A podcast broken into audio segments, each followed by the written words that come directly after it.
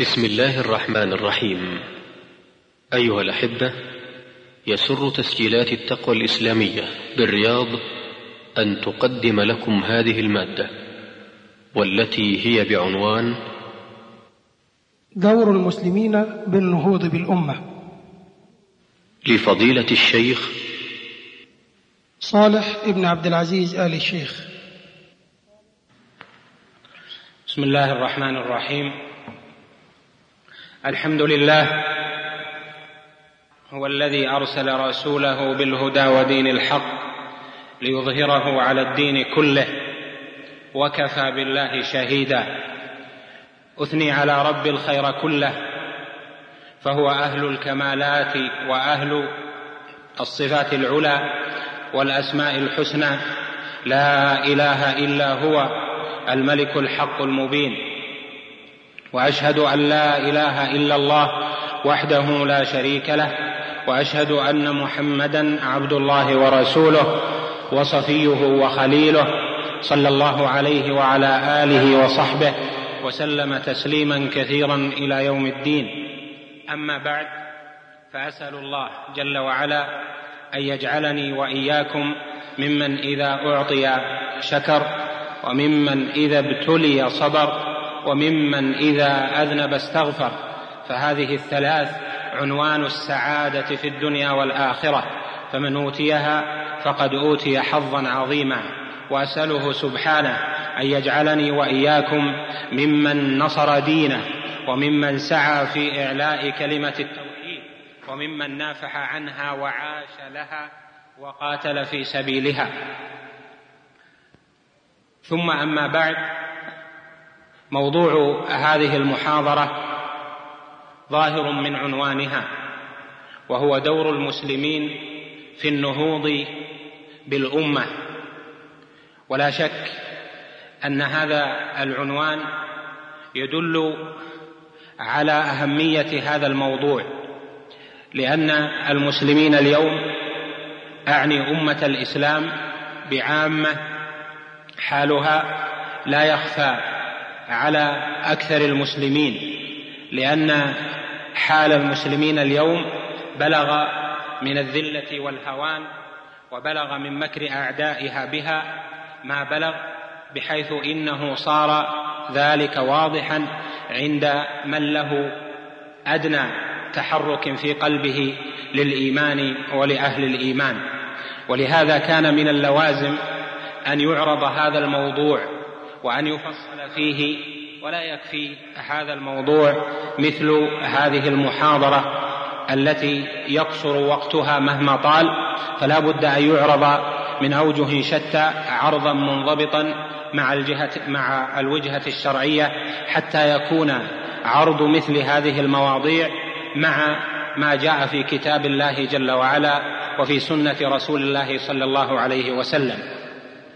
لأن هذا الموضوع قد يعرض له من جهة فكرية بحتة لا صلة في عرضها بما دلت عليه النصوص وقد يعرض من جهة علمية نظر فيها العارض لما جاء في النصوص من أصول عامة تحكم هذا الأصل العظيم ألا وهو واقع المسلمين وكيف سبيل النهوض بهم ودور كل مسلم في الجهاد في سبيل الله لرفع الغمة عن بعض الأمة.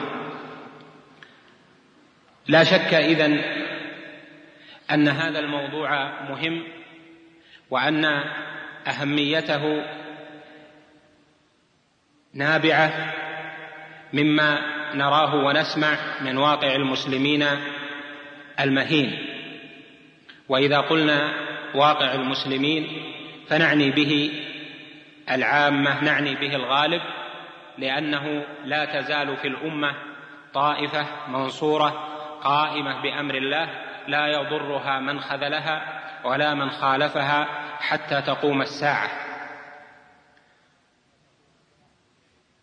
وإذا نظرت إلى حال الأمة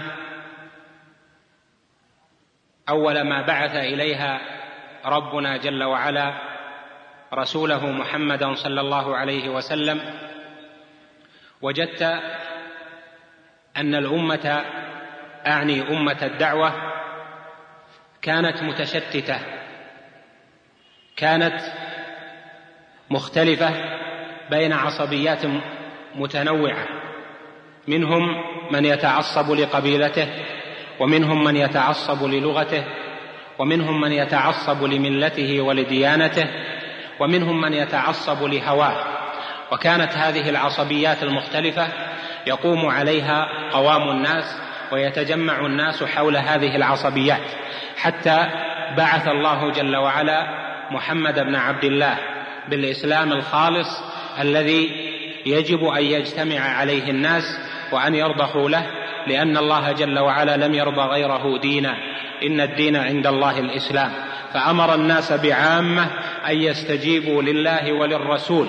إذا دعاهم وأن يعلموا أن الرسول حمل الرسالة وأنهم حملوا الإجابة فيجب عليهم أن يجيبوا نبيه صلى الله عليه وسلم.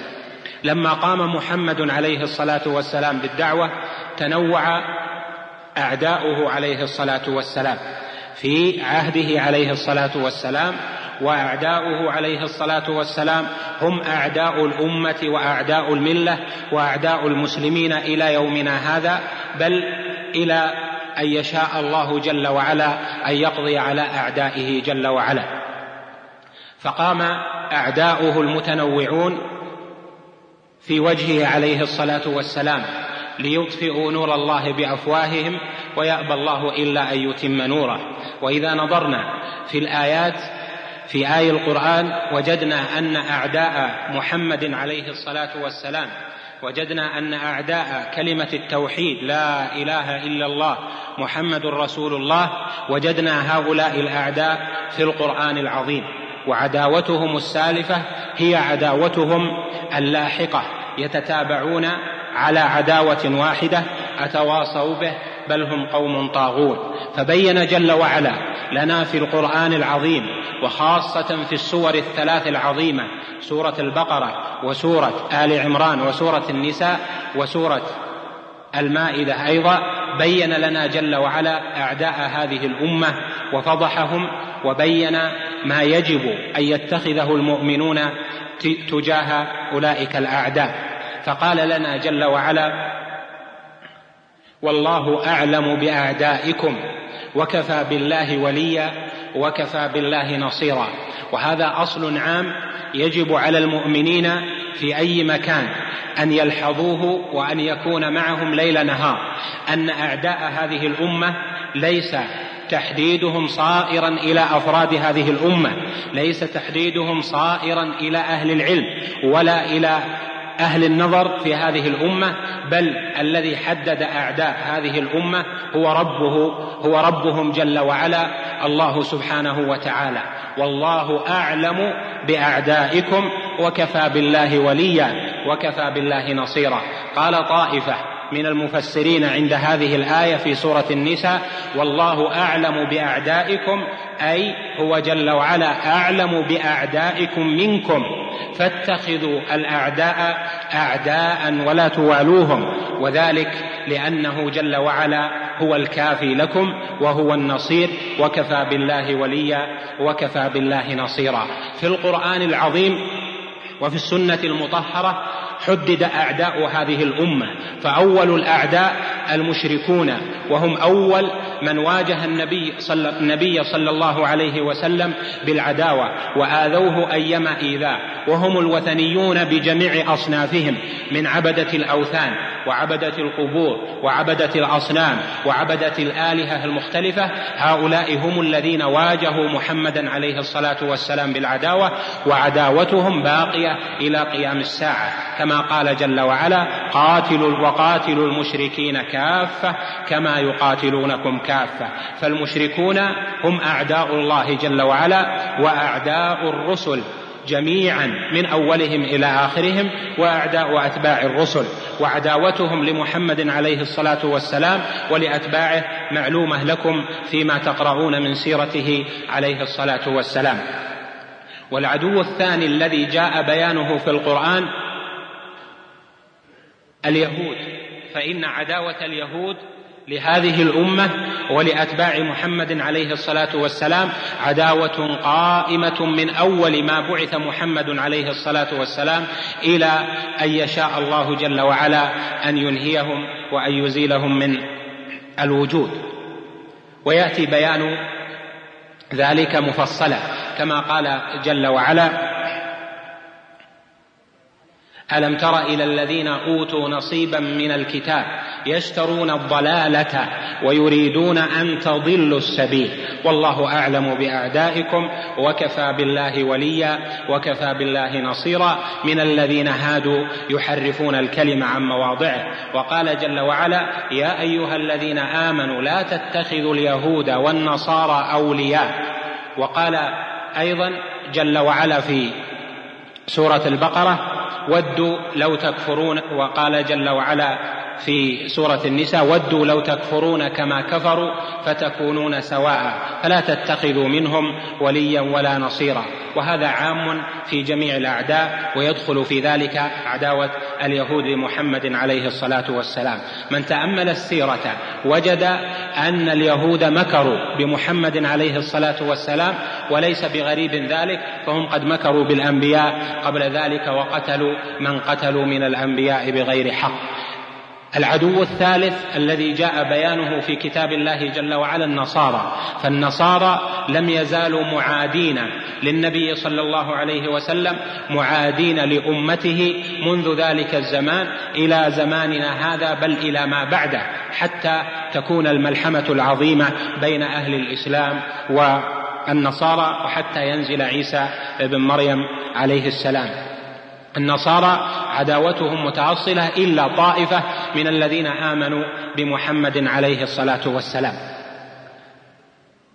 وإنهم ليصدرون مع اليهود من مشكاة واحدة. والعدو الرابع المنافقون. والله جل وعلا في سورة النساء وفي سورة براءة فضح المنافقين وبين أنهم أشد عداوة. للمؤمنين من غيرهم لأنهم بينهم ولأنهم يمكرون بهم. والله جل وعلا حين ذكر عداوة اليهود وذكر عداوة المشركين جعلها أشد العداوات في في الناس يعني من غير المنتسبين للإسلام. فقال جل وعلا لتجدن أشد الناس عداوة للذين آمنوا اليهود والذين أشركوا. ولتجدن أقربهم مودة للذين آمنوا الذين قالوا إنا نصارى. الآيات يعني من أسلم من النصارى. والمنافقون لشدة عداوتهم لأهل الإيمان جعلهم الله جل وعلا في الدرك الأسفل من النار لأنهم يخادعون الله والذين آمنوا وما يخدعون إلا أنفسهم. إن المنافقين في الدرك الأسفل من النار. والعدو الأخير الذي جاء بيانه في القرآن الشيطان الذي عداوته مستحكمة على كل أحد من هذه الأمة ومن غيرهم. إن الشيطان لكم عدو فاتخذوه عدوا. إنما يدعو حزبه ليكونوا من أصحاب السعير. إذا تبين لك ذلك فمن الغرض الكبير ومن الغلط العظيم أن يظن طائفة أن عداوة أولئك كانت في زمن مضى وانقضى وأن أولئك لم يعقبوا وارثا. بل إنك إذا استقرأت التاريخ من وقت محمد عليه الصلاة والسلام إلى زمننا هذا وجدت أن المؤمنين أصيبوا من هؤلاء الأعداء جميعا. فمعارك أهل الإسلام مع المشركين مشهودة معروفة في شرق الأرض وفي غربها ومعارك أهل الإسلام مع اليهود معروفة ومعاركهم مع النصارى وحروب الصليبيين معروفة والاستعمار الحديث معروف وخطط اليهود من الزمن الأول إلى زمننا هذا معروف وبسط ذلك يحتاج إلى ندوات وإلى محاضرات طويلة حتى يفقه الناس دينهم وحتى يعلموا أعداءهم لأن الله جل وعلا أوضح في كتابه سبل المجرمين وبينها وعلل ذلك بقوله جل وعلا وكذلك نفصل الآيات ولتستبين سبيل المجرمين يعني حتى تكون سبيل المجرمين واضحة بينة لا خفاء فيها لأن المؤمن المسلم إذا علم بعدوه وعلم بسبل عدوه في النيل منه وفي إضعاف إيمانه وفي صده عن دينه أو في إذهاب روحه ونفسه أو في إذهاب ما به قوامه في حياته وعزته فإنه يتخذه عدوا ويجعل ذلك نصب عينيه حتى يحذر. أما إذا لم يعلم ذلك فإنه ولا شك سيؤتى على غرة ويفسر الأشياء دائما بتفسير بسيط غير دقيق. ولهذا يضل كثير من الناس حيث لم يجعلوا أعداءنا الذين جعلهم الله جل وعلا أعداء لم يجعلوهم أعداء. بل يجب علينا أن نجعل الأعداء الذين جعلهم الله أعداء لنا يجب أن نجعلهم أعداء وأن نقيم ذلك في نفوسنا. نعم إن الشرع يقضي بأن التعامل الظاهر مع العدو لا لا صلة له بالعلاقة الباطنة. لا صلة له بما يقوم في القلب من عقيدة. فالنبي عليه الصلاة والسلام عامل اليهود وعامل النصارى وعامل المشركين وفي ذلك من الضوابط الشرعية والأحكام الفقهية ما هو معروف. لكن ما هو واجب أن يكون في قلوبنا جميعا أن العدو عدو وأن كراهته واجبة وأن البراءة منه فرض لأن ذلك من صميم عقيدتنا. فمعنى كلمة التوحيد لا إله إلا الله محمد محمد رسول الله أن توالي يعني أن تحب أهلها وأن تبغض في قلبك وأن تبغض المخالفين لها من أهل الشرك وأهل الكتاب وأهل الأوثان بعامة والمنافقين وكل من لم يرضخ لهذه الكلمة. ولكن التعامل الظاهر له حكم والتعامل الباطن له حكم. إذا نظرت إلى صنيع اليهود مثلا في الزمن الأول ونظرت ما عملوه في عهد عثمان رضي الله عنه على يدي عبد الله بن سبأ اليهودي المعروف وعبد الله بن سبأ تاريخيا ثابت وجوده رغم محاولة طائفة من محا... رغم محاولة طوائف من الباحثين أن يجعلوا وجوده من الخيال وأنه لا حقيقة له فوجوده ثابت عند أهل السنة لأن الأسانيد فيما فعل ثابتة عن الصحابة وعن التابعين فيما كان يفعله عبد الله بن سبأ وما شتت به الأمة وما أحدث به من الفتن فإن فإن ظهور الخوارج كان بسبب اليهود. لهذا نقول إنه في الزمن الأول لم يحصل غلو في الأمة ولم يحصل فرقة في الأمة إلا بسبب اليهود في الزمن الأول. وكذلك في هذا الزمن الحاضر لم يظهر الغلو على ما هو معروف في هذا الزمن في فرق وجماعات مختلفة. لم يظهر الغلو إلا بعد وجود اليهود في في المنطقة يعني في منطقة أهل الإسلام ووجودهم في فلسطين. لما وجدوا وجد الغلو في الجماعات في جماعات مختلفة فطائفة غلت لأن وجود هؤلاء سبب الغلو لأنه ليس لكل أحد المقدرة أن يتعامل مع الأعداء على وفق الحكم الشرعي. فلهذا ظهر في الزمن الأول الخوارج لأنهم لم يحتكموا إلى قول الصحابة فغلوا بسبب اليهود وظهر في هذا الزمن طوائف ممن غلا وزاد عما يجوز شرعا وذلك بسبب وجود اليهود في الأمة. المقصود من ذلك أن اليهود وجودهم في أن اليهود في خططهم الأولى كان لها الأثر في الأمة في تفرقتها وفي إضعافها وفي قوة أعدائها عليها وكذلك ما ظهر في هذا الزمن. كذلك النصارى النصارى مهما حصل بينهم وبين أهل الإسلام من الهدنة ومن عدم القتال فإنهم أعداء وإن عداوتهم باقية. انظر لما وجدوا الفرصة سانحة لهم أقاموا الحروب الصليبية في ما تعلمون في عقود من الزمن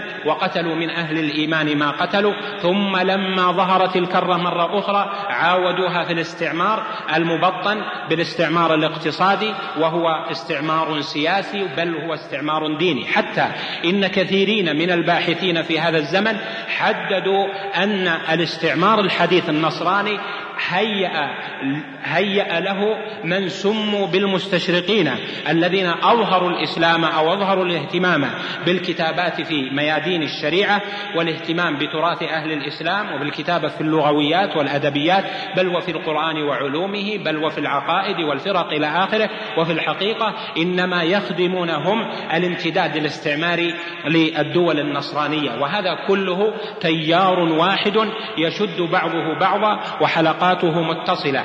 فمن الغباء ومن عدم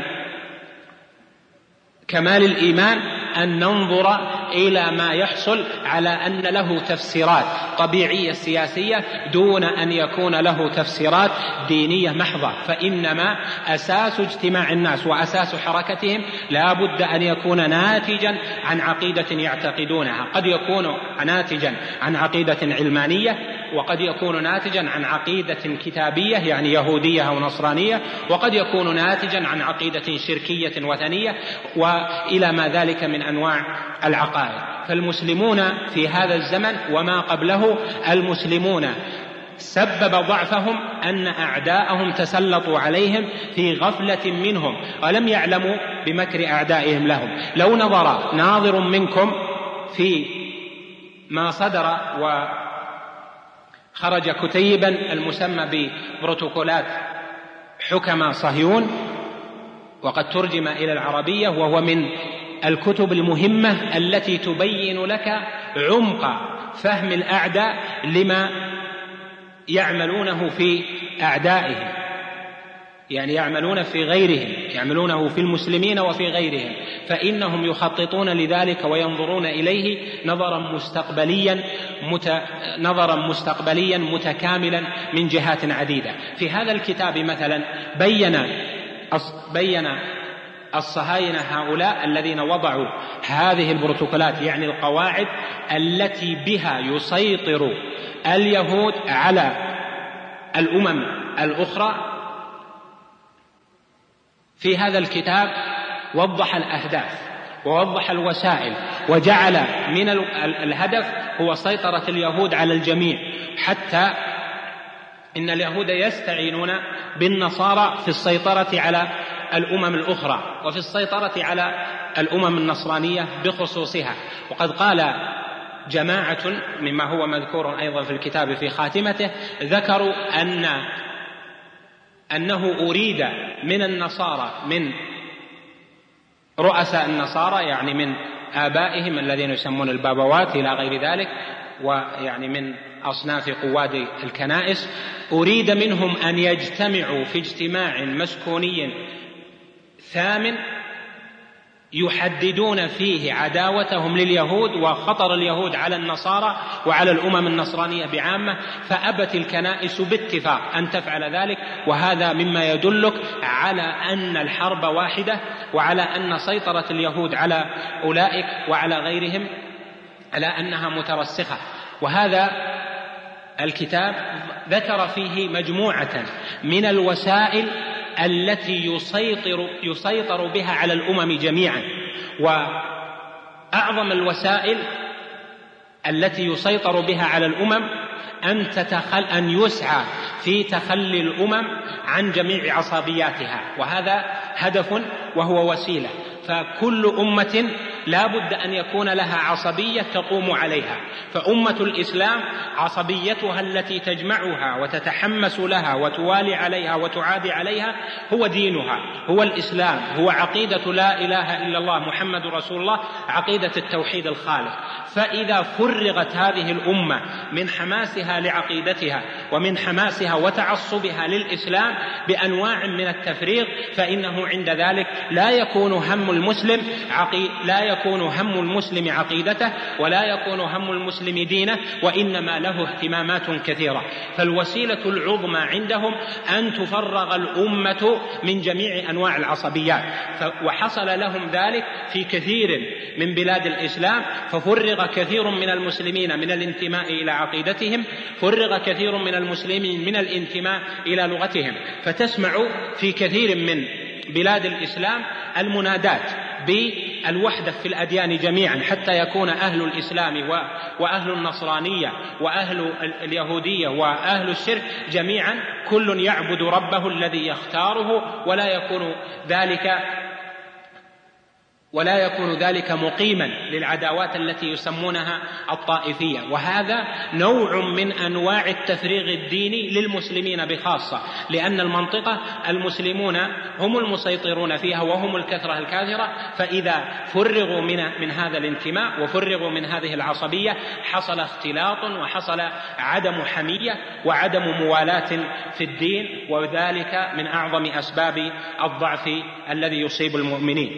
أيضا فرغت الأمة من لغتها. فصار التعصب للغة العربية ضعيفا.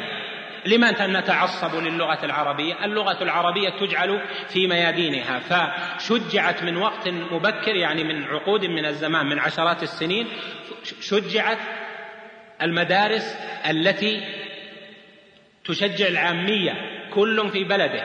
ففي بلد كذا تشجع اللغة المحلية وفي بلد كذا تشجع اللغة المحلية بل زاد الأمر إلى ذلك على ذلك فطولب في بعض البلاد بأن نترك اللغات الموجودة الآن ونعود ونعود إلى اللغات التي كانت قبل ذلك. عصبية فأهل فأهل المغرب مثلا يعودون إلى اللغة البربرية فيتركون حتى اللهجات المتفرعة من اللغة العربية بل يعودون إلى ما قبل ذلك. وأهل مصر يعودون إلى اللغة التي قبل ذلك وأهل الشام يعودون إلى ما قبل ذلك. وهكذا حتى تفرغ الأمة من رابطة تربطها بكتابها وهو القرآن فلا رابط بين الأمة بين شرقها وغربها إلا هذه اللغة التي تجمعهم على كتاب الله جل وعلا. فإذا فرغوا من هذه اللغة فأصبح طوائف كثيرة من الأمة يتكلمون بلغات مختلفة وتجد أن لغتهم وثقافتهم إنما هي لغة ثقافة لغوية غير عربية حتى وجد الضعف ووجد الانحلال عن العصبية لهذه اللغة. ولهذا العصبية للغة العربية هو هو طريق للعصبية للديانة لأنه عصبية للقرآن.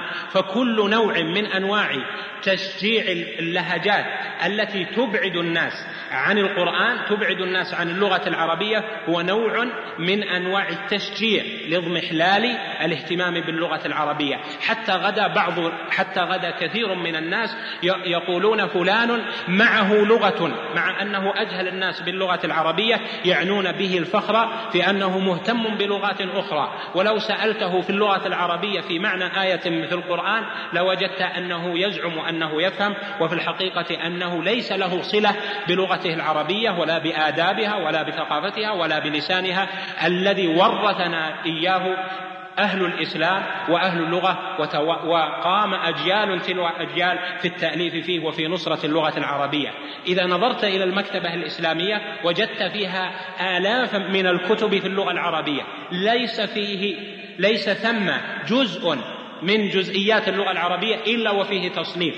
حتى أسماء المطر فيه تصنيف أسماء الهلال أسماء القمر فيه تصنيف أسماء الجمال فيه تصنيف وهكذا في لغة القرآن في كل جزئية منها فيه مؤلفات. ذلك للحفاظ على هذه العصبية التي تربط هذه الأمة فلا يختل هذا الانتماء القوي لهذه الأمة وهو الانتماء للغة العرب الذي معنى الانتماء لهذا الإسلام ولهذا الدين. نعم دين الله جل وعلا لما جاء أزال العصبيات للهجات المختلفة وذلك بنزول القرآن على سبعة أحرف.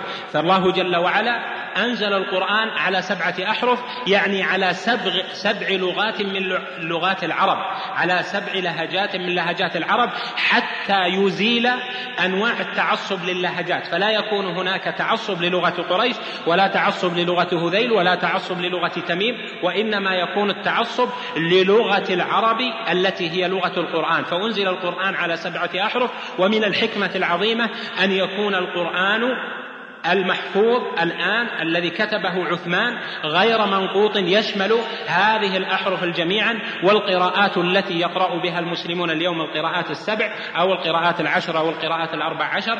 هذه القراءات فيها الأحرف السبعة جميعا فيها خليط اللهجات المختلفة. لذلك بعض الآيات يفسر على لغة كذا. المقصود أن هذا استطراد يحتاج إلى بسط. هذا كله ليبقى للمؤمنين العصبية للغة. فإذا فركز اليهود وأعداء الإسلام في وسيلة من وسائلهم على أن تفرغ الأمة من جميع أنواع العصبيات أن تفرغ من العصبية للقبائل أن تفرغ من العصبية لدينها أن تفرغ من العصبية لأرضها أن تفرغ من العصبية للغتها. فإذا فرغت النفوس من أي نوع من أنواع العصبية بقيت النفوس نفوس المسلمين ولا جامع يجمعها فسهل السيطرة عليها بل سهل أن يجعل لها انتماء جديد. بوسائل الإعلام المختلفة انتماء جديد ينتمون به ويتعصبون له وهو انتماء ما يريحهم في حياتهم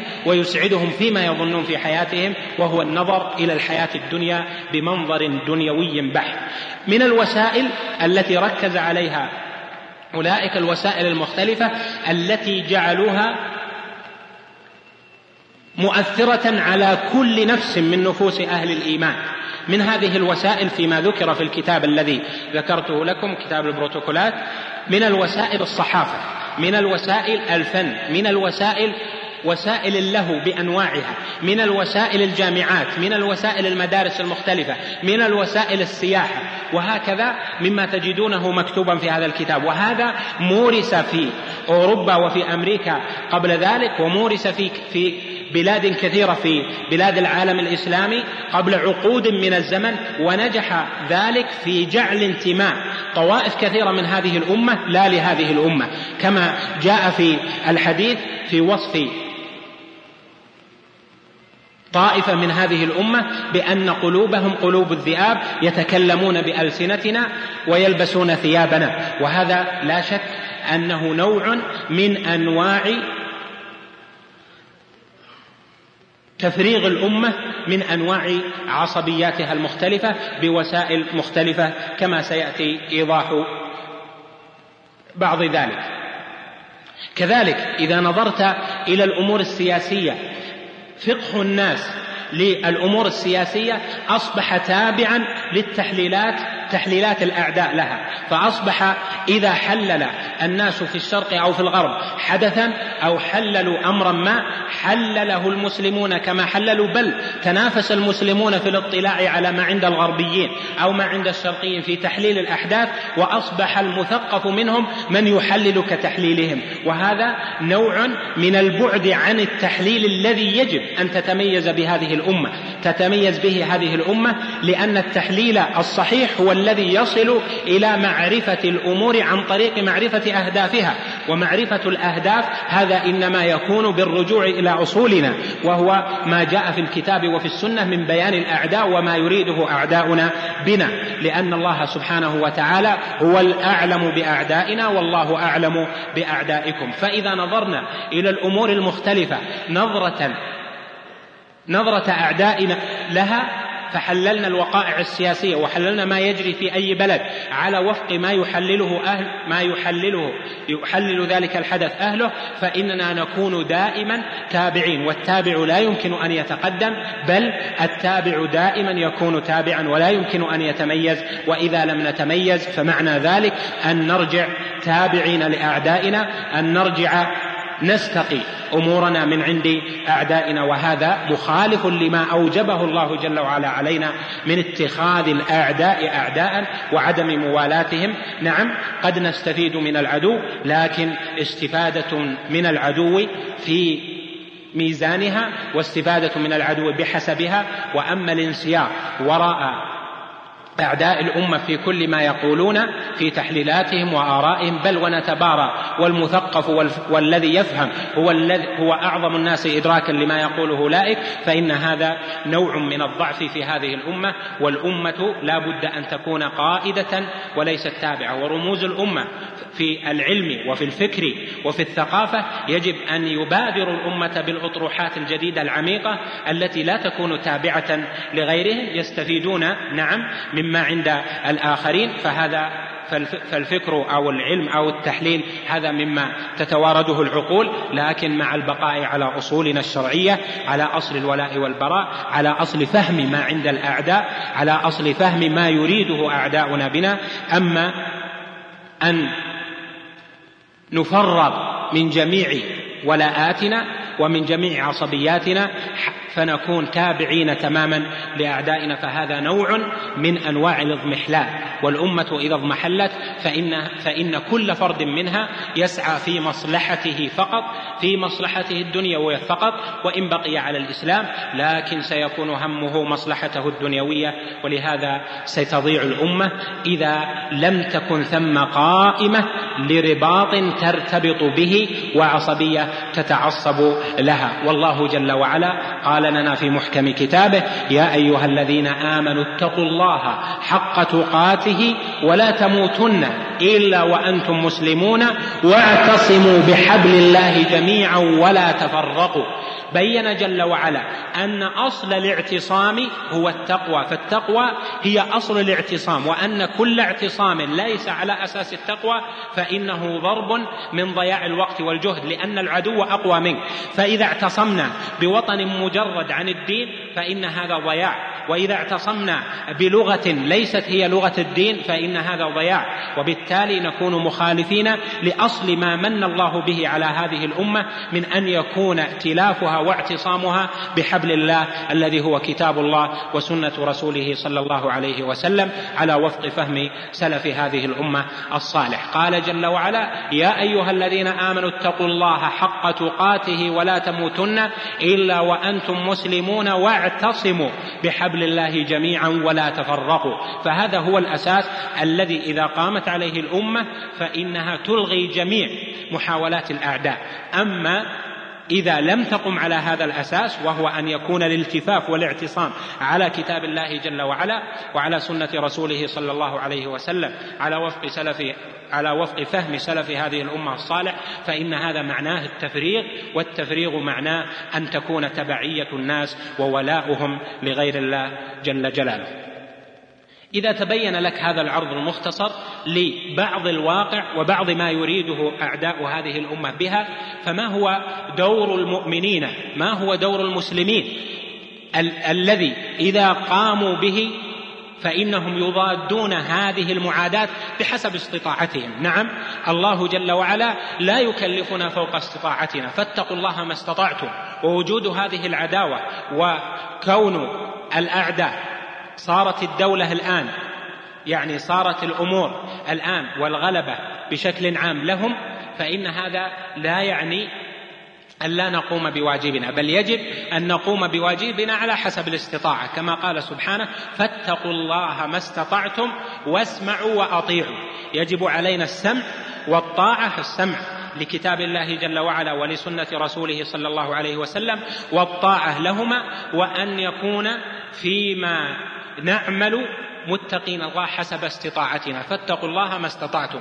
أما الإهمال وترك أداء الواجبات فإن هذا لا شك لا يجوز لأنه مخالفة لأمر الله جل جلاله. المسلمون كما يظهر لك من موضوع المحاضرة عليهم دور فكل المسلمين كل على حسب حاله عليه دور. دور المسلمين في النهوض بالأمة كل عليه دور في النهوض بهذه الأمة. إذا نظرت للمسلمين بشكل عام فإن المسلمين يمكن أن نقسمهم إلى فئات. فننظر إلى المسلمين على شكل أفراد. لا شك كل فرد من المسلمين عليه واجب وعليه دور. الثاني ننظر إلى المسلمين على شكل مجموعات. جماعات عاملة الجماعات الإسلامية العاملة مثلا أو المجموعات العاملة بغير انتظام جماعي. وننظر أيضا إلى طائفة أو شريحة من المسلمين أصحاب المؤسسات المختلفة. سواء كانت مؤسسات تجارية أو مؤسسات إعلامية أو مؤسسات ثقافية أو مؤسسات تعليمية أو مؤسسات صحفية صحفية. هؤلاء أصحاب المؤسسات لا شك تكونون مجموعات والمجموعات لهم نظر غير النظر إلى الأفراد. أيضا تنظر إلى شريحة أخرى من المسلمين هم أهل الفكر أهل الثقافة. الذين اطلعوا على ما عند الأعداء. يتكلمون اللغات المختلفة فيطلعون على ما ينشره أعداء الأمة يطلعون على ما عند الأعداء يسافرون ينظرون ف هؤلاء لا شك أيضا عليهم دور قد لا يمارسه غيرهم. أيضا تنظر إلى شريحة من هذه الأمة هي شريحة أهل العلم. فالعلماء وطلبة العلم عليهم دور في النهوض بالأمة ليس على غيرهم. أيضا إذا نظرت إلى شريحة أخيرة في الأمة وهم ولاة الأمر على اختلاف طبقاتهم من ولاية الأمر الصغيرة في قطاع حكومي أو غير حكومي إلى ولاية الأمر العظمى في الأمة. فكل هذه الشرائح كل فئة عليها دور ويجب أن تعمل بهذا الدور حتى تقوم هذه الأمة قوية وحتى نجابه أعداءنا. وإذا صدق القول فإن الأمة الإسلامية اليوم في حرب مع أعدائها لكنها حرب حربا لكنها حرب ليست حرب سلاح من في كل مكان ولكنها حرب عقيدة حرب علم حرب فكر حرب ثقافة حرب انتماء حرب في جميع أصنافها. فإذا نظرت إلى الأحوال المختلفة وجدت ذلك بينا وتفصيله كما ذكرت في أول المحاضرة. يطول ويحتاج إلى ندوات ومحاضرات ولا بد لأهل الإيمان أن يطلعوا على ما كتب في هذا المجال من كتابات لأهل الإسلام المتميزين المعروفين بحسن عقيدتهم وحسن منهجهم حتى ينظروا إلى الأمور نظرا صائبا واضحا. نرجع إلى التقسيم. أفراد هذه الأمة أنا وأنت وأخ والثاني والثالث هل من المعقول بل هل من الجائز شرعا أن نلقي باللائمة على غيرنا؟ نعم.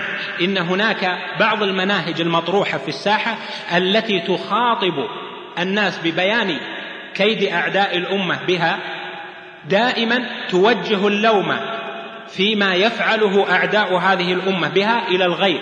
فتشعر كل فرد من أفراد المؤمنين بأن الواجب على غيره وليس عليه.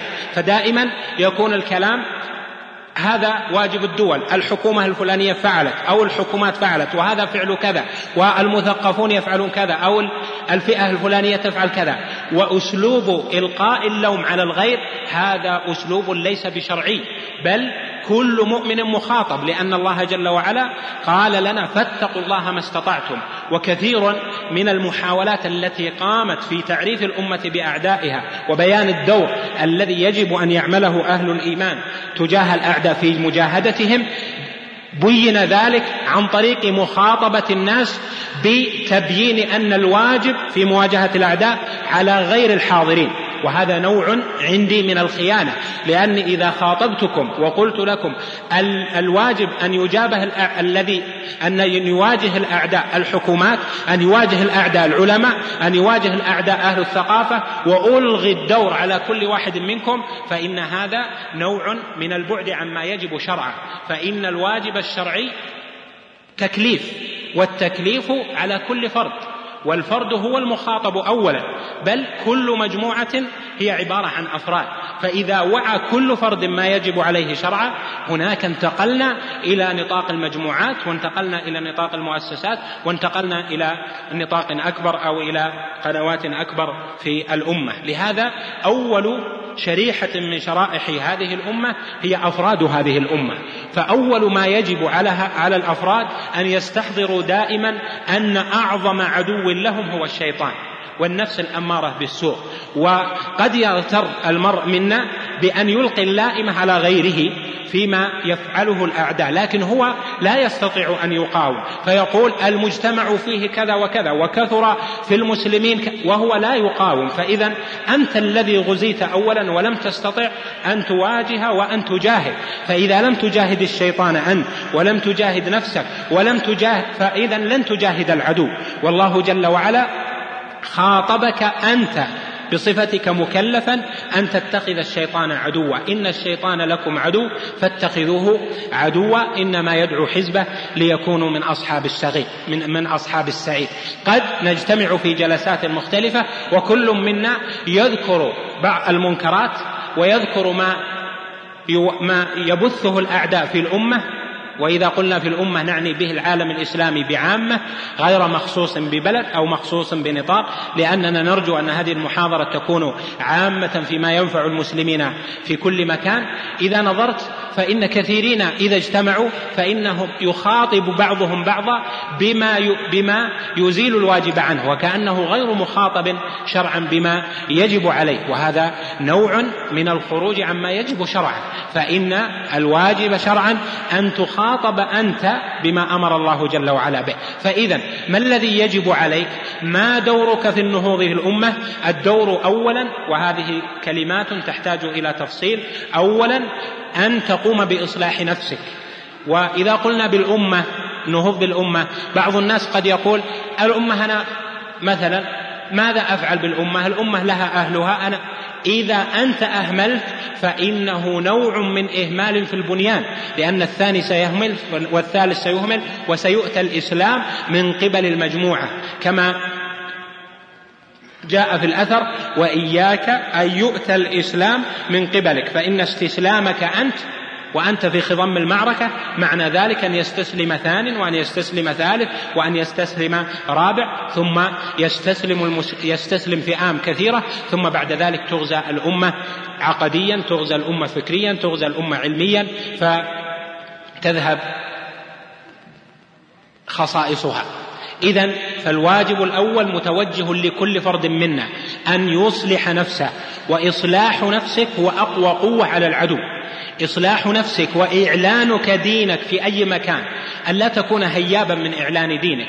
إذا كان دينك الذي اعتقدته قائما على معتقد صحيح وعلى دليل من الكتاب والسنة ولم يكن على وفق هوى أو على وفق آراء لا دليل عليها لا يوافق لا يوافق عليها أهل العلم الراسخون فيه. فإذا كنت واثقا من دينك ومن دليله ومن قيامه قيامك على عقيدة صحيحة فليس فلا تهاب. أن تقول به وقد أخذ النبي صلى الله عليه وسلم العهد على الصحابة أن يقولوا بالحق أينما كانوا وألا تأخذهم في الحق هيبة أحد. وهذا هو الواجب. فإذا كان كذلك فواجب على كل منا أن يقول ما يعتقده بالطريقة الشرعية الصحيحة بالمجادلة بالتي أحسن لكن أن لا نستحي لأن كثيرين من الناس يستحيي من إبداء ما عنده. فإذا كان في مجلس يستحيي من أن يبدي الحق الذي عنده خشية أن يوصم بكذا وكذا. وآخر إذا لا يستحيي أن يكتب وعنده المقدرة أن يكتب في مجالات مختلفة لأنه يقول أنا المخاطب غيري أو أنا ليس عندي المقدرة. كل منا لبنة في البنيان. فإذا قام كل منا بما يجب عليه وبما أعطاه الله من القدرة فإنه يكون في ذلك سلسلة من التواصل وسلسلة من القوة لأن السكوت والاستحياء من القيام بالواجب بالطريقة الشرعية بالمجادلة بالتي أحسن بما يحصل المقصود ويرجح المصالح ويدرأ المفاسد هذا يجعل الأمة تضعف. فلذلك يخاطب كل منا بأن يكون مملوءا قلبه بالحق بأن لا يكون هيابا بإبداء ما عنده. وليس معنى الجرأة في قول الحق أن تقول الحق بصفة ليست شرعية بل تقول الحق بصفة شرعية. ولو كانت الكلمة أهدأ ما تكون فإن الحق عليه نور. وليس الحق برفع الصوت وإنما الحق في الكلمة.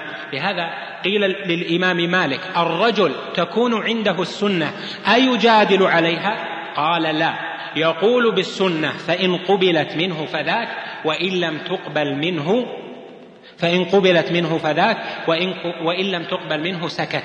وهذا هو الذي ينبغي أن تقول ما عندك وألا تكون هيابا في قول ما عندك بثقة في أي مكان في أي بلد كنت في أي مجتمع كنت أن تقول بما عندك غير هياب لأن هذا نوع من إعلان العقيدة ومن إظهار الإسلام. بناء البيت. أنت أيضا مخاطب بأن تبني بيتك بناء شرعيا وأن لا تجعل العدو يدخل إلى بيتك. وسبل العدو كما عرفت كثيرة متنوعة. وإذا فرطنا في دخول الأعداء إلى البيوت بالوسائل المختلفة فإن هذا نوع من التفريط في كثير من أوامر الشريعة وكثير من من أوامر الإسلام لأن العدو ينفذ إليك شيئا فشيئا. فإذا قيام البيوت قيام الأسر بتربية صحيحة شرعية هذا من الواجب الذي يتوجه لكل فرد وهو من الدور. الذي إذا عمله الكثيرون إذا عمله الأكثر في هذه الأمة فإن الأمة ستنهض وستقوى. إذا نظرت إلى واجبك في كل مكان أنت تكون فيه في متجرك في عملك في صلتك بأصدقائك في أسرتك الكبيرة. كل عليه واجب بحسب استطاعته. فإذا قمت بدورك في ذلك ولم تستسلم لغيرك فإن ذلك هو من اتقائك لله ما استطعت. فإذا الأفراد عليهم دور يترتب بحسب ما القطاع الذي هم فيه. كل مكان أنت فيه فإن عليك دورا. وإذا فرطت فاستغفر الله جل وعلا. ولهذا نرى يرى أهل العلم البصيرون بحق الله جل وعلا أننا اليوم جميعا أحوج ما نكون إلى الاستغفار. ولو استغفرنا ليلا ونهارا لم يكن كثيرا لأننا نغشى التقصير والذنوب في كل مكان. ولا بد من الاستغفار الكثير. والعبد إذا بقدر معرفته بتفريطه يعظم علمه بالله جل وعلا وعلمه بحاجته إلى الاستغفار. شريحة أخرى ومجموعة وفئة أخرى من المسلمين الجماعات. وإذا قلنا الجماعات فنعني بها الجماعات بشكل عام. سواء كانت جماعات عاملة للدعوة أو كانت جماعات في إطار معين لعمل. أي عمل كان؟ لعمل تجاري لعمل منظم لعمل غير منظم. هذه الجماعات كثيرة في بلاد الإسلام. واليوم صار الحديث عن الجماعات الإسلامية عند كل أحد وليس بخاف الحديث عن الجماعات ولا عن أسمائها ولا عن مناهجها والى آخره.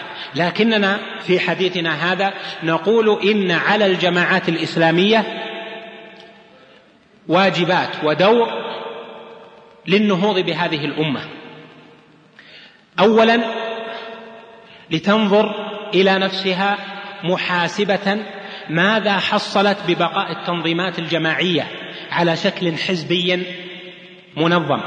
ماذا حصلت في الماضي؟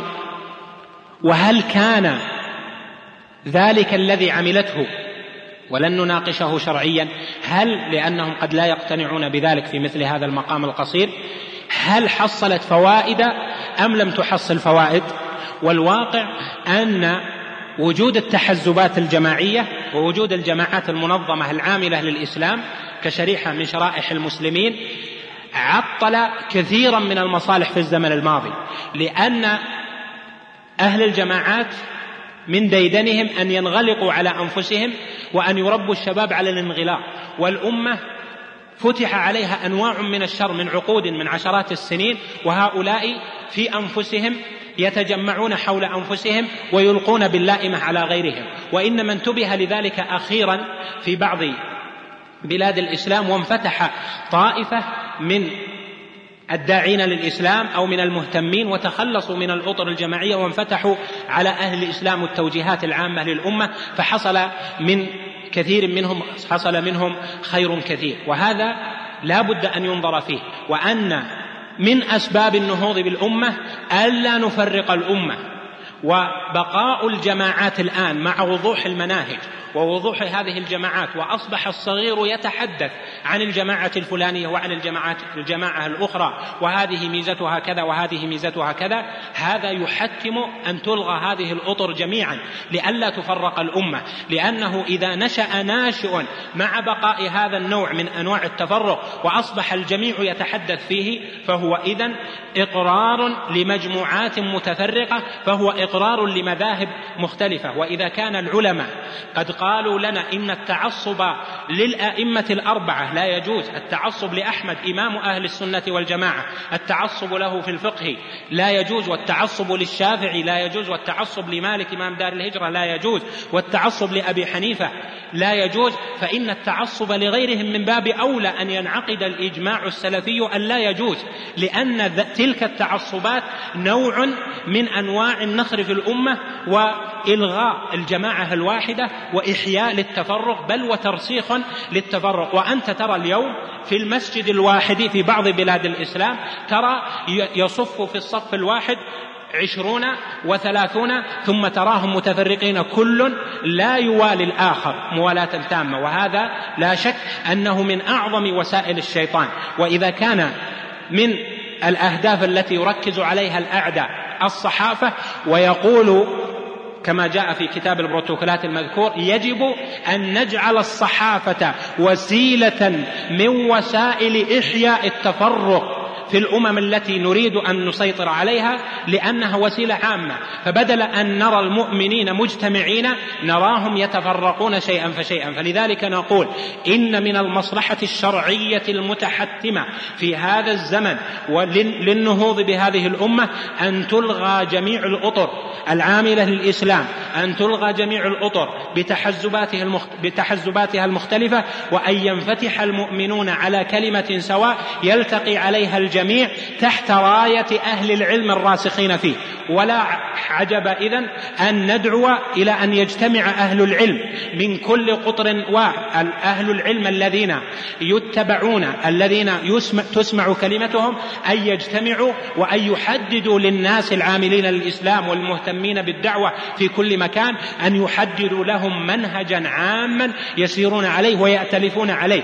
وما وما يجب أن يكون عليه الجميع وما يسوغ فيه الاجتهاد. ولا يسوغ فيه الاجتهاد فهذا لا يسوغ لأحد أن يخالفه لأن المؤمنين إجماعهم يجب اتباعه وما يسوغ فيه الاجتهاد فهذا لا يلوم فيه الآخر لأن لأنه من القواعد المتقررة عند أهل العلم أنه لا إنكار في مسائل الاجتهاد لكن ينبع ذلك من كلام أهل العلم الراسخين فيه الذين يعلمون حدود ما أنزل الله على رسوله عليه الصلاة والسلام.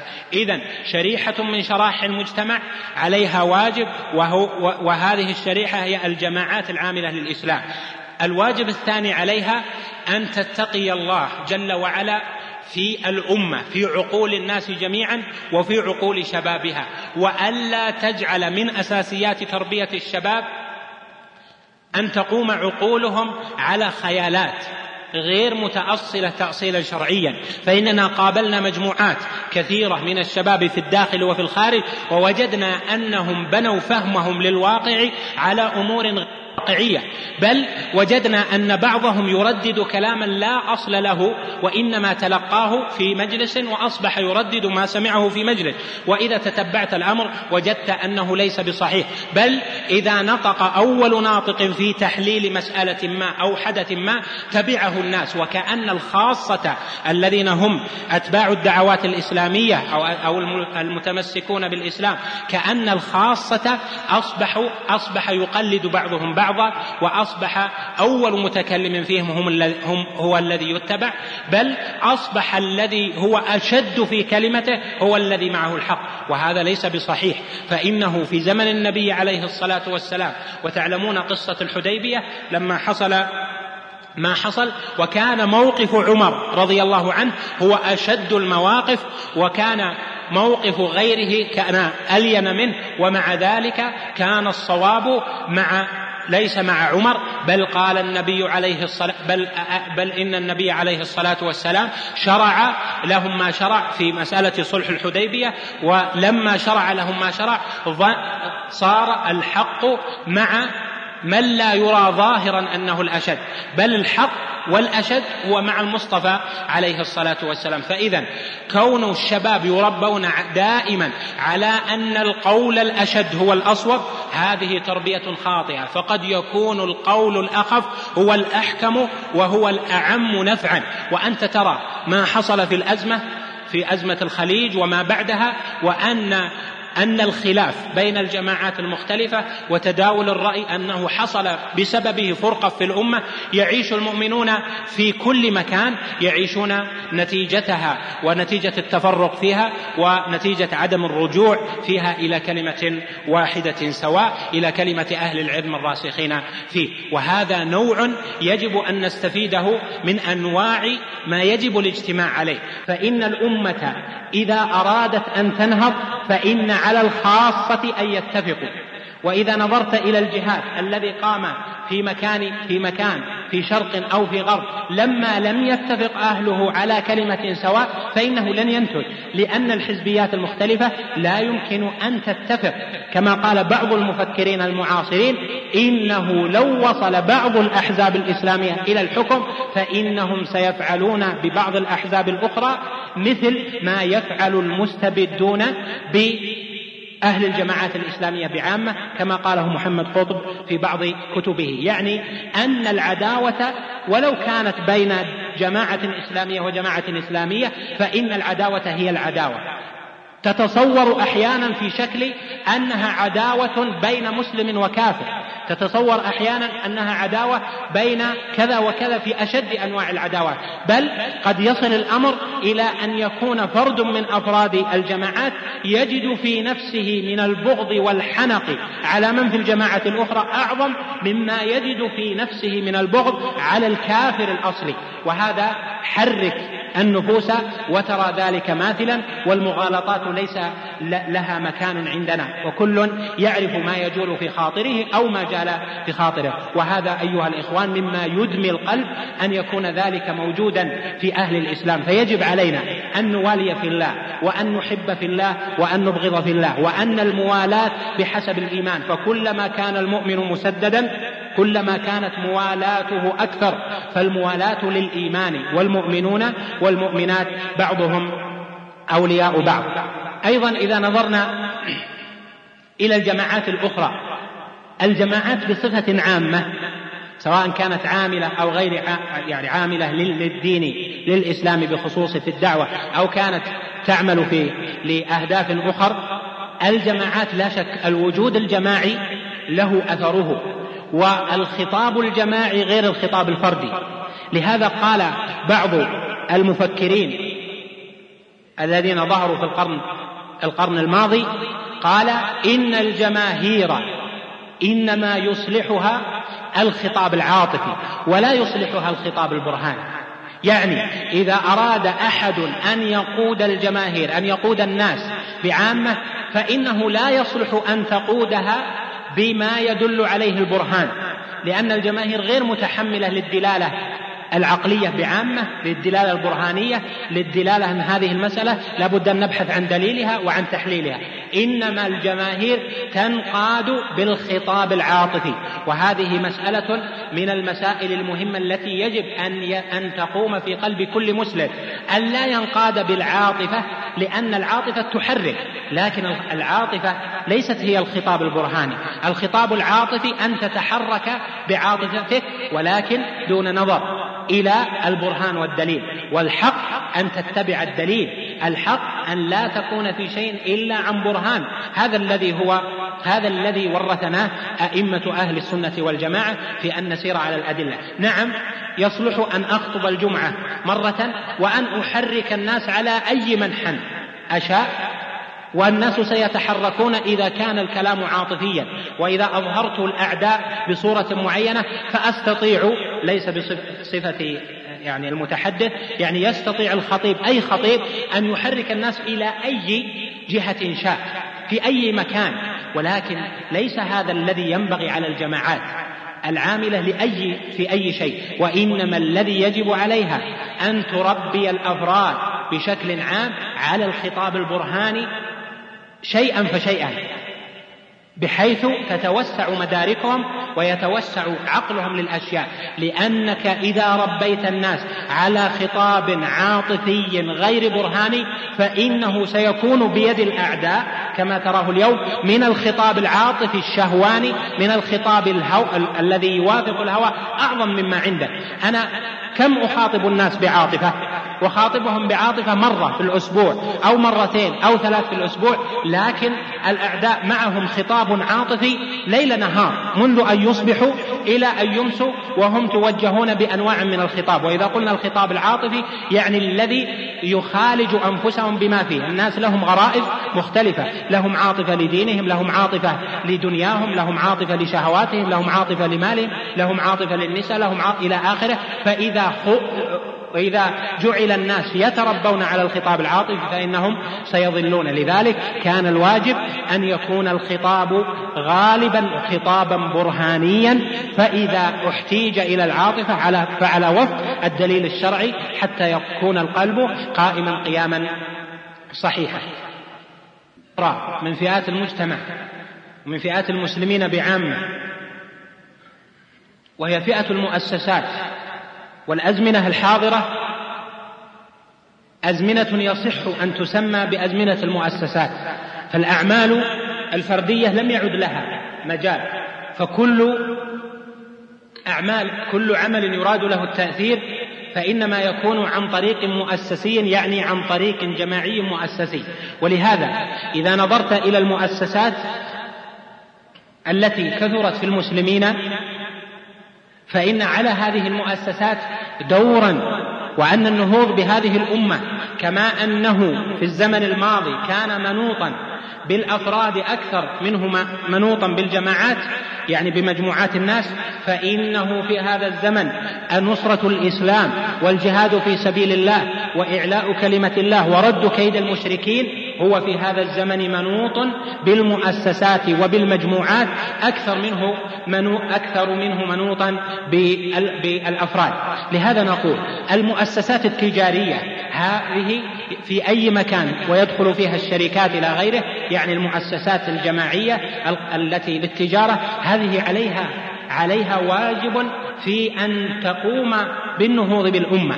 فمثلا المؤسسات أو الشركات التجارية. إذا نظرنا إلى الأمة بعامة فإن مواقع كثيرة من من أمة الإسلام في بلاد كثيرة فيها من الخيرات وفيها من من قدر من الخيرات الأرضية التي جعلها الله جل وعلا في الأرض وفيها من قدرات أهل الإسلام في تلك البلاد ما يجعلنا إذا صرفنا تلك الأموال ووجهناها إلى بلاد لتنهض فيها القوى وتنهض فيها الصناعات ما يمكن أن نحصل على قوة في وعلى قوة أيضا في الدعوة بطريق واحد فإن توجيه الاستثمار المالي في المؤسسات إلى الدول الإسلامية التي فيها الخيرات فيها خيرات الرجال فيها خيرات العاملين وفيها الخيرات الأرضية إن توجيه الاستثمار لها والإستفادة مما فيها هذا مما يهيئ القوة للمؤمنين ويجعلهم مترابطين ويجعل أمة الإسلام أيضا قوية في استغلال خيراتها.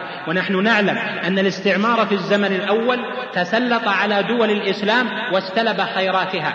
وفي هذا الزمن نجد أنه مثلا في بعض بلدان آسيا فيها خيرات كثيرة لكن ليس عندها مال ليس عند أهلها مال في أفريقيا ثم فيها خيرات كثيرة زراعية وصناعية وثم أفراد مع رخص في أجرة الفرد ومع رخص في آه، في استغلال الأرض إلى غير ذلك نجد أن ذلك مهيأ لأهل الاستثمار في المؤسسات. فيكون فيكون الدعوة للإسلام عن ذلك الطريق. أيحتاج مثلا إلى جهة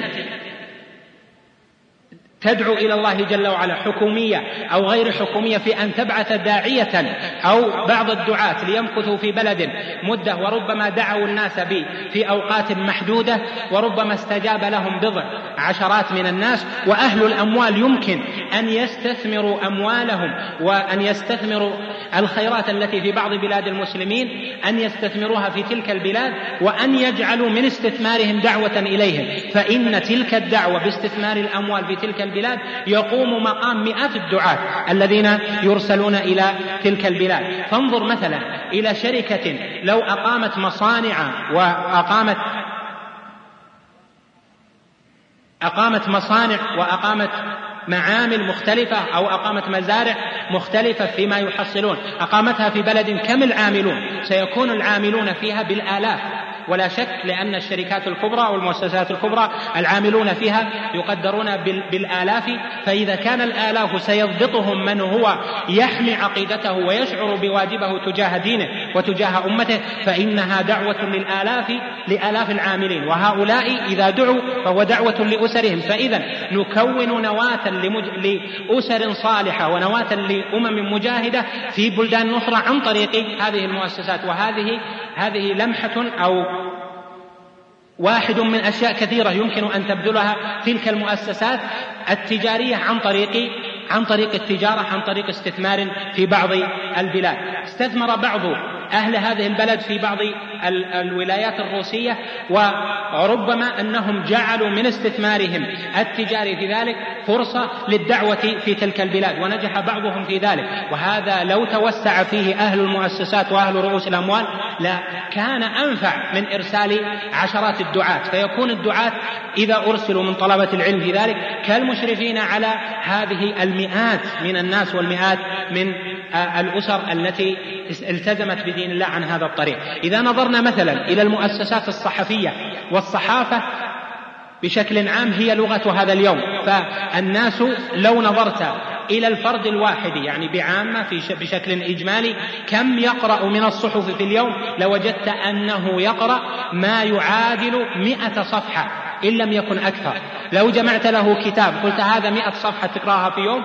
قال أقرأ مئة صفحة في يوم وهو يقرأ من الصحف أكثر من ذلك برغبة وإقبال وشغف بما لما فيها. وهذا يجعل الصحافة يجعل الصحافة مؤثرة في الأمة تأثيرا بليغا. والصحافة كما هو معلوم تلقي والناس أكثرهم يتلقون بلا تحليل. أكثر الذي يقرأ يقرأ بلا تحليل وكأن الذي نشر هو يفتح له مدارك عقلية ويفتح له آفاق يفتح له آفاق ينظر بها إلى الناس ينظر بها إلى التحليات المجتمع وهو خلو من المشاركة في هذه في هذه الأمور. ولذلك يؤثر عليه عن طريق هذه الصحافة لذلك نقول إن على المؤسسات الصحفية لا شك دورا إن عليها دورا عظيما تجاه هذه الأمة في النهوض بها. فالله الله تك... فالله الله في لتلك المؤسسات الصحفية ألا تكون قائمة ب دور هذه الأمة. الله الله أن تكون قائمة بواجبها لأن الصحافة هي أعظم الوسائل أو من أعظم الوسائل في هذا العصر. نقول لأصحاب هذه المؤسسات الصحفية من رؤساء تحرير ومن مجالس إدارة ومن صحفيين كل منكم عليه أن يحقق الانتماء لدينه. فإنه مجاهد إذا قام بالكلمة مجاهد إذا رب إذا رب الناس. إذا كان الأب إذا جلس في أربعة من أبنائه أو خمسة أو ثلاثة أو أقل أو أكثر فوجههم بكلمة كلمة واحدة ربما أثرت فكيف بصحفي يقرأ كلامه مئات الآلاف من الناس بل ربما ملايين في بعض الصحف. لا شك أن كل واحد عليه أن لا يحقر من المعروف شيئا. فإنه إذا قال كلمة خيرة فقرأها واحد فتأثر بها فإن له أجرها وأجر من عمل بها إلى يوم القيامة. وكذلك إذا أحيا في الناس الانتماء للإسلام الصح... أرباب الصحافة بشكل عام عليهم دورهم أن يحيوا في الناس الارتباط بأمتهم أن يحيوا في الناس الدفاع عن عقيدتهم أن يحيوا في الناس الانتماء للا إله إلا الله محمد رسول الله أن يحيوا في الناس التعصب والالتفاف حول كتاب الله جل وعلا وسنة رسوله امتثالا لقول الله جل وعلا واعتصموا بحبل الله جميعا ولا تفرقوا و, و امتثالا لقول الله جل وعلا وتعاونوا على البر والتقوى ولا تعاونوا على الإثم والعدوان. صاحب المقالة صاحب الزاوية الثابتة صاحب التحليل لا نكن تابعين لغيرنا. فإن المؤسسات الصحفية قد ينفذ الأعداء منها إذا كانت تابعة لغيرها. أما إذا كانت متميزة ما استطاعت فاتقوا الله ما استطعتم بحسب ما عندها وحافظت على إسلامها حافظت على اهتمام الأمة بدينها حافظت على شعور شعور الأمة حافظت على كل ما انتماء الناس لأم لأمتهم وسعت في رفع همة المسلمين وفي نهوض الوازع العام وتقوى الله جل وعلا في الناس. لا شك أنها ستكون قائمة بنوع من أنواع الجهاد الذي يؤجرون عليه. والله جل وعلا أمرنا جميعا أن نجاهد بجميع أصنافنا. أن نجاهد كل حسب استطاعته وكل في مجاله. والصحفي ورئيس التحرير عليه أن يجاهد في مجاله. قد يظن بعض الناس أن التقدم أن نلحق بالغربيين وأن تقدم الصحافة أن تسعى وراء ما يطرحه الغرب. وهذا في الحقيقة لن يصل أصحابه إلى شيء. فالأمم أو المجتمعات الإسلامية التي سبقت في مجال الصحافة بعقود من الزمان ماذا أنتجت اليوم لأهلها؟ قلدوا الغرب من مئة سنة ولا يزالون يلحقون ولم يستطيعوا أن يلحقوا لأن المتقدم سابق ومعه من القدرات ما ليس معك. لذلك عليك أن تكون متميزا على المؤسسات الصحفية من الدور أن تكون متميزة وألا تكون ضعيفة في داخلها وأن تقول هذا العالم هكذا أو كما قال بعضهم أنا لا أستطيع أن أحجب الشمس ونحو ذلك مما يوحي أن هناك ضعفا كامنا في بعض النفوس. نعم إن من الصحفيين من قام بواجبه وجزى الله الجميع خيرا. كل من قام بواجبه جزاه الله خيرا وثبته وزاده. ولكن نقول إن على الجميع دورا. وأما أن يكون ثم من يقوم بهذا الدور وثم من لا يقوم به فإنه يجب حينئذ أن نبين أن على الجميع أن يقوم بدوره وأن ينهض بواجب الإسلام. الصحيفة يقرأها القارئ في عمله وفي سوقه إلى آخره. حتى الأمر البسيط في الصحيفة مثل مثلا الرسوم مع أن الرسوم التي تسمى رسوم الكاريكاتير والرسم إذا كان لحي إذا كان لذي روح كما هو معلوم فإنه حرام ولا يجوز رسمه. الذي يرسم هذا نقول رسمك له لا يجوز.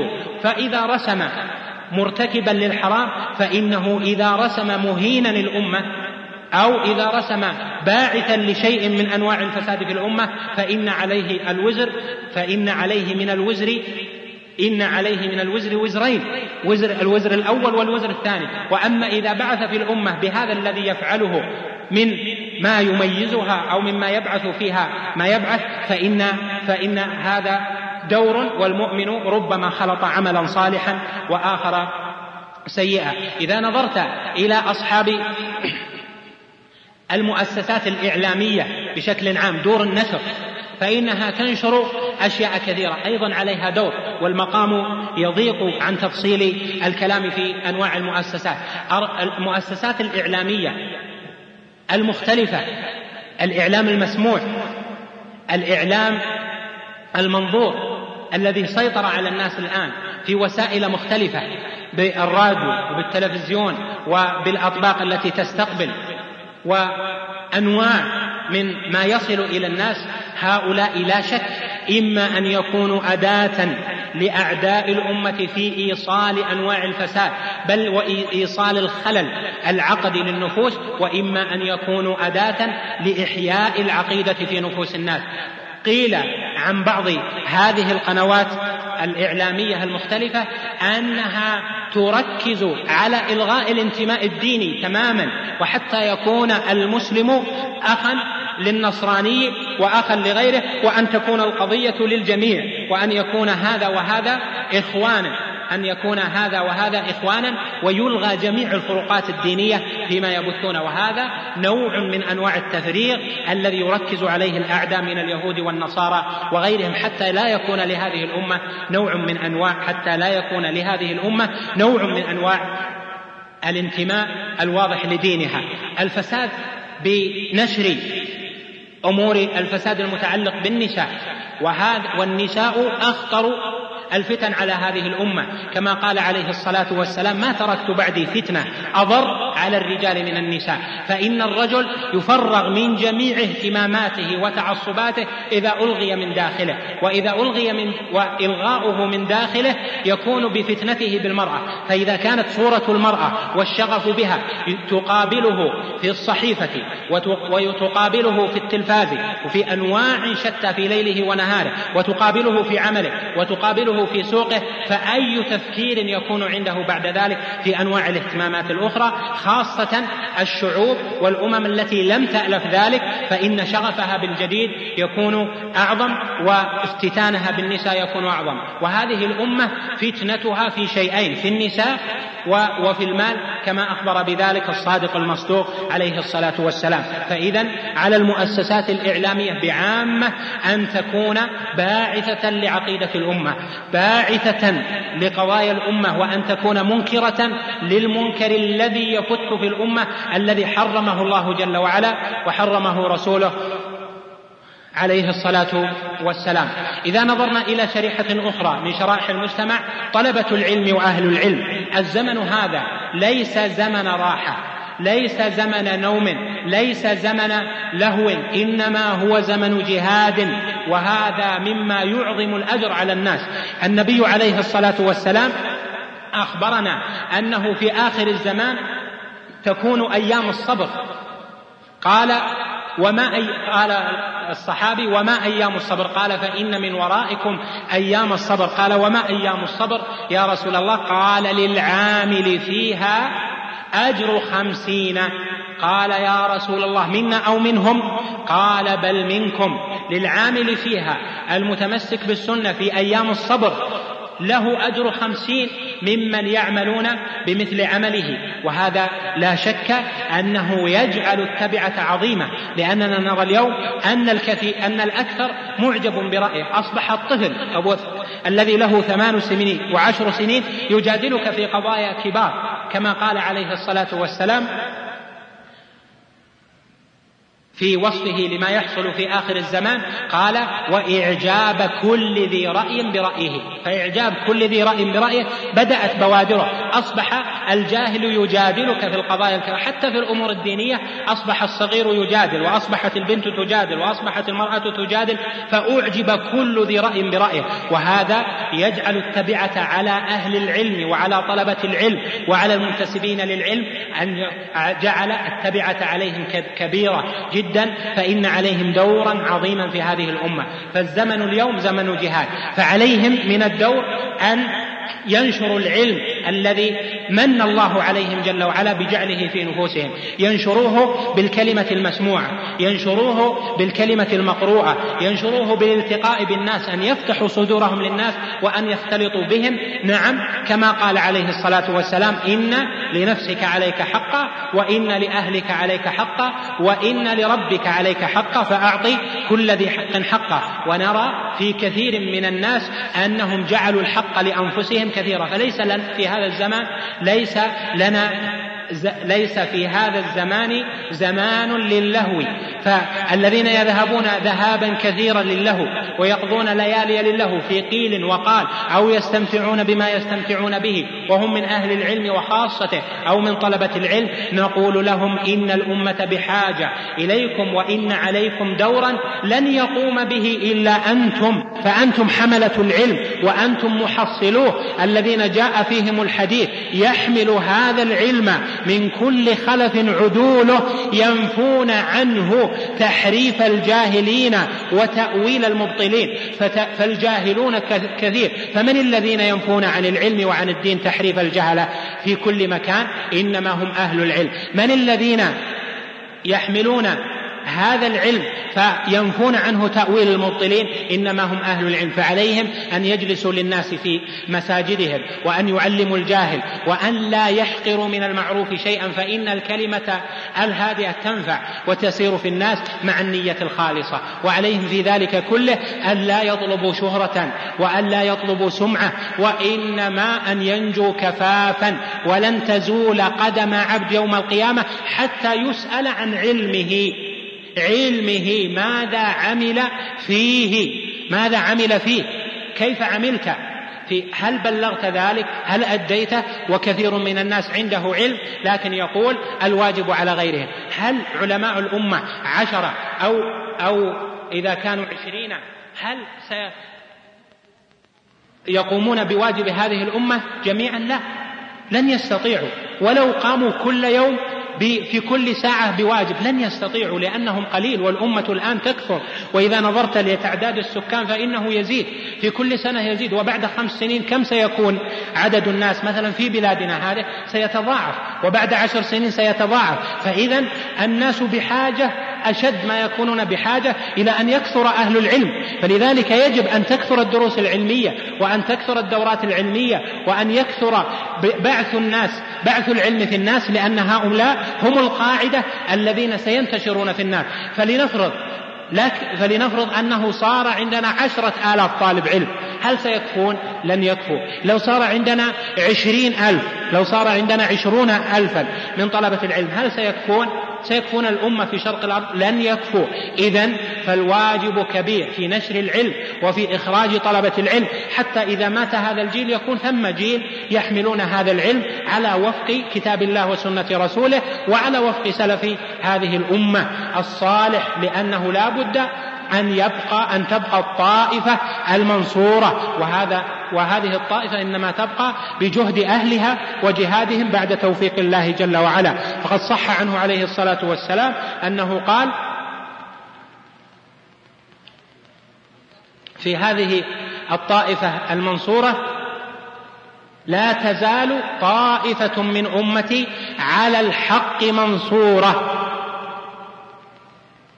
قال شيخ الإسلام رحمه الله تعالى هذه الطائفة منصورة في كل زمان إما نصرة سيف وسنان وإما نصرة بيان ولسان لأن معها القرآن والقرآن هو الحق الذي يعلو ولن يعلى عليه وبيان الله جل وعلا هو الحق المطلق الذي يعلو على جميع أنواع البيان الأخرى. كما قال سبحانه فلا تطع الكافرين وجاهدهم به جهادا كبيرا. فإذا كان كذلك فعلينا أن نجاهد.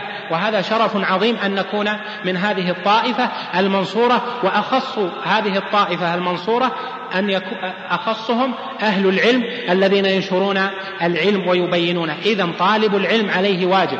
لا يقول طالب العلم ليس عليه واجب إنما هو على العلماء والعلماء ما فعلوا. عليك ما تستطيع. فاتقوا الله ما استطعتم. اعرف الضوابط الشرعية لتصرفك وابذل فإنك. فإنك ستنتج شيئا.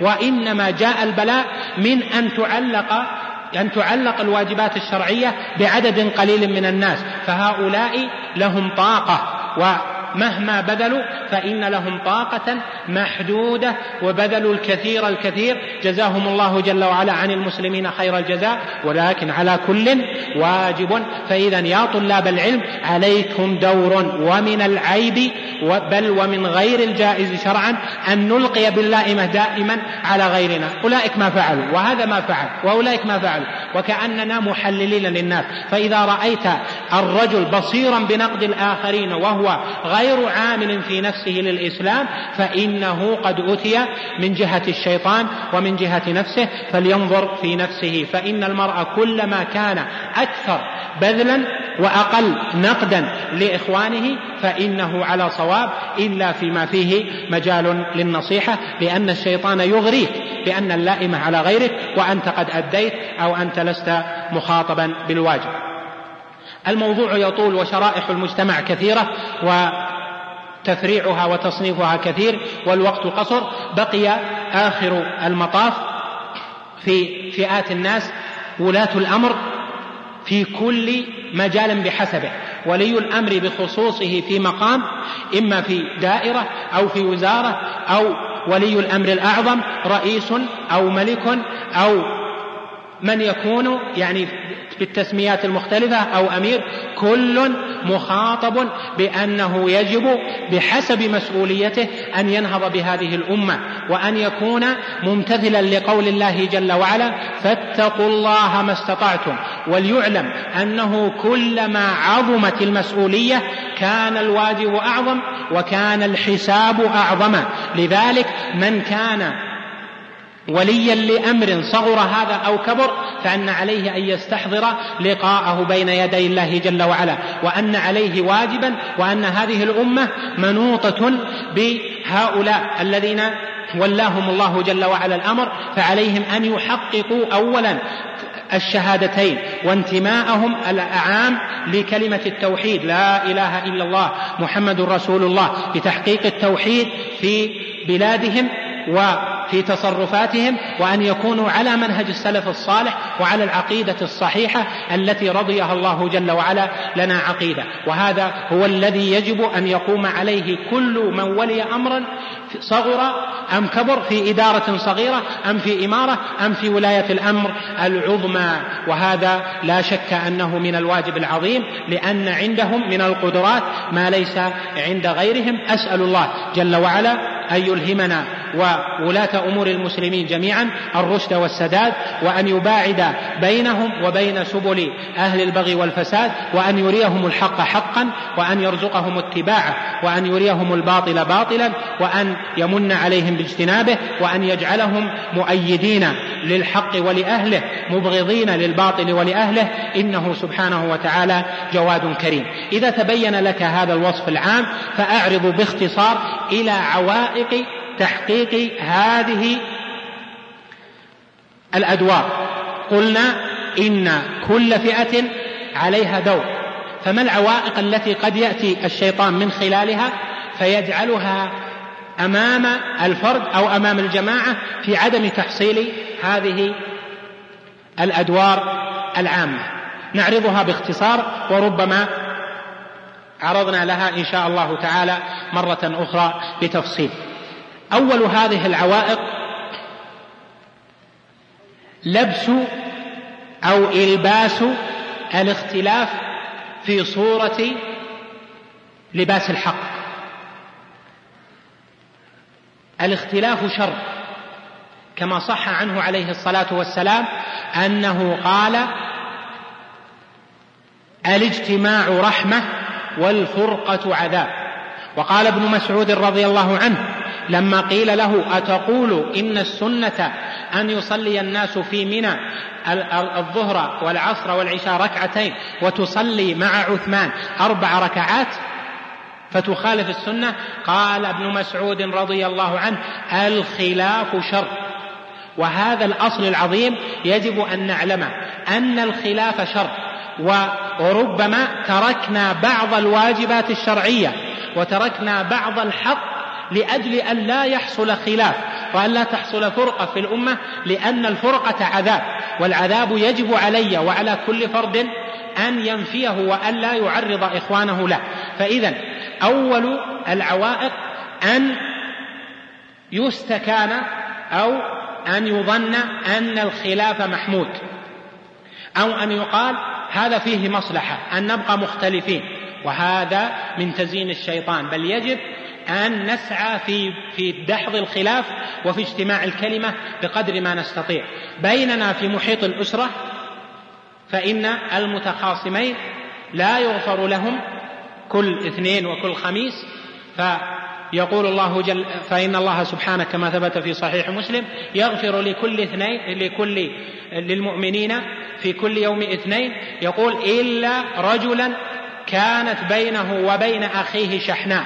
فيقول أنظروا هذين حتى يصطلحا أنظروا هذين حتى يأتلفا أو كما قال عليه الصلاة والسلام. فكيف إذا كان في شكل أعظم؟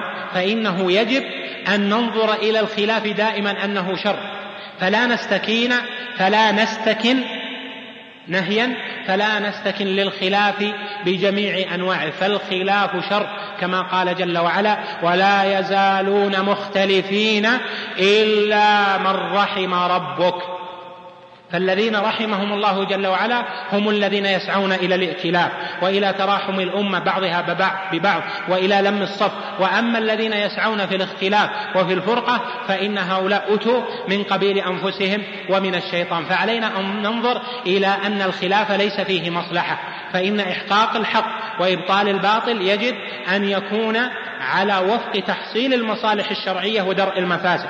فإذا كنا سنحصل خيرا في الأمة ويكون ما يحدث في تحصيلنا لهذا الخير أعظم منه مفسدة من الخلاف والفرقة فيجب أن نسكت عن إظهار هذا الحق. وهذا من القواعد المتقررة عند أهل العلم باتفاق وبإجماع أنه لا يجوز أن ينكر المنكر بأشد منه ولا يجوز أن ننكر المنكر إذا كنا نعلم أو يغلب على الظن أو نظن ثلاث مراتب أنه سيحدث فرقة في الناس أو منكر أشد منه فرقة فسادها أشد من الأول أو منكر أشد من الأول والميزان في ذلك إنما يعرفه إلى أهل العلم وهذه تحتاج إلى مزيد تفصيل. إذا هذه الأولى ما هي؟ هي الفرقة وألا نلبس الخلاف بلبوس الحق الخلاف شر. الثاني التعصب التعصب لغير الدين مذموم التعصب للبلد مذموم. إذا كان التعصب للبلد في مقابلة التعصب للدين. التعصب للجماعة لجماعة معينة مذموم إذا كان يقدم على التعصب للشريعة. التعصب للجماعة مذموم. التعصب للجماعة هي إن كانت مذموم. التعصب للمذاهب مذموم. فقد يأتي آت ويظن أن تحقيقه لمصلحة المسلمين يكون بتعصبه.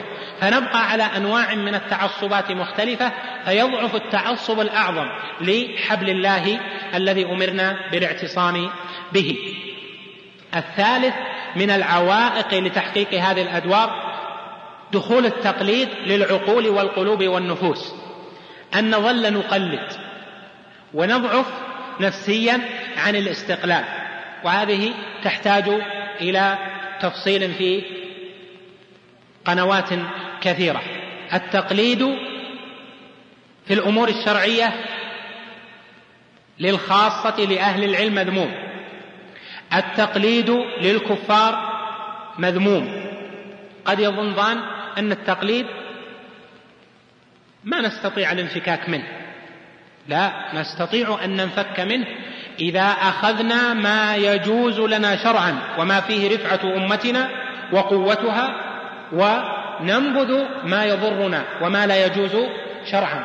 والحمد لله الله جل وعلا أرأف بهذه الأمة من الأمة بنفسها. وهذه بعض العوائق ولا شك يحتاج الأمر إلى مزيد بسط. و في الختام أقول أتعبتكم وربما أتعبت نفسي أيضا وأسأل الله جل وعلا أن يجعل في هذه الكلمات بعثا للنفوس وقوة في الحق على وفق الطريقة الشرعية وأن نقول بالحق على وفق الطريقة الشرعية التي يبينها أهل العلم وبينت في كتاب الله جل وعلا وفي سنة رسوله صلى الله عليه وسلم وأن نكون قائمين بالحق مدافعين عنه مجاهدين في سبيله.